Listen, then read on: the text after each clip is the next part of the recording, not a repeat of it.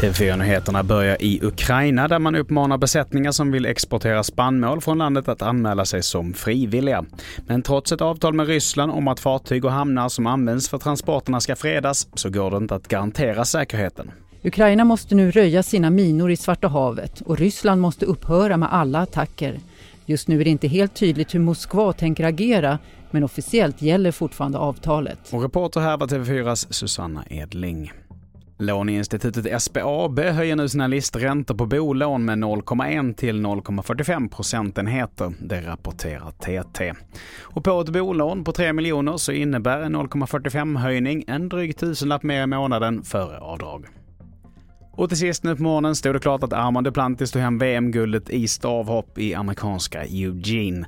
Dessutom så satte han ju nytt världsrekord när han fullkomligt flög över 6,21 meter. När alla de andra är, har toppat sin form maximalt för att det gäller mästerskapsmedaljer och han leker hem ett nytt världsrekord, det är naturligtvis någonting oerhört speciellt i friidrottshistorien. Och här i inslaget så hörde vi Lennart A. Julin som är friidrottsexpert. Fler nyheter hittar du på tv4.se. Jag heter Mattias Nordgren.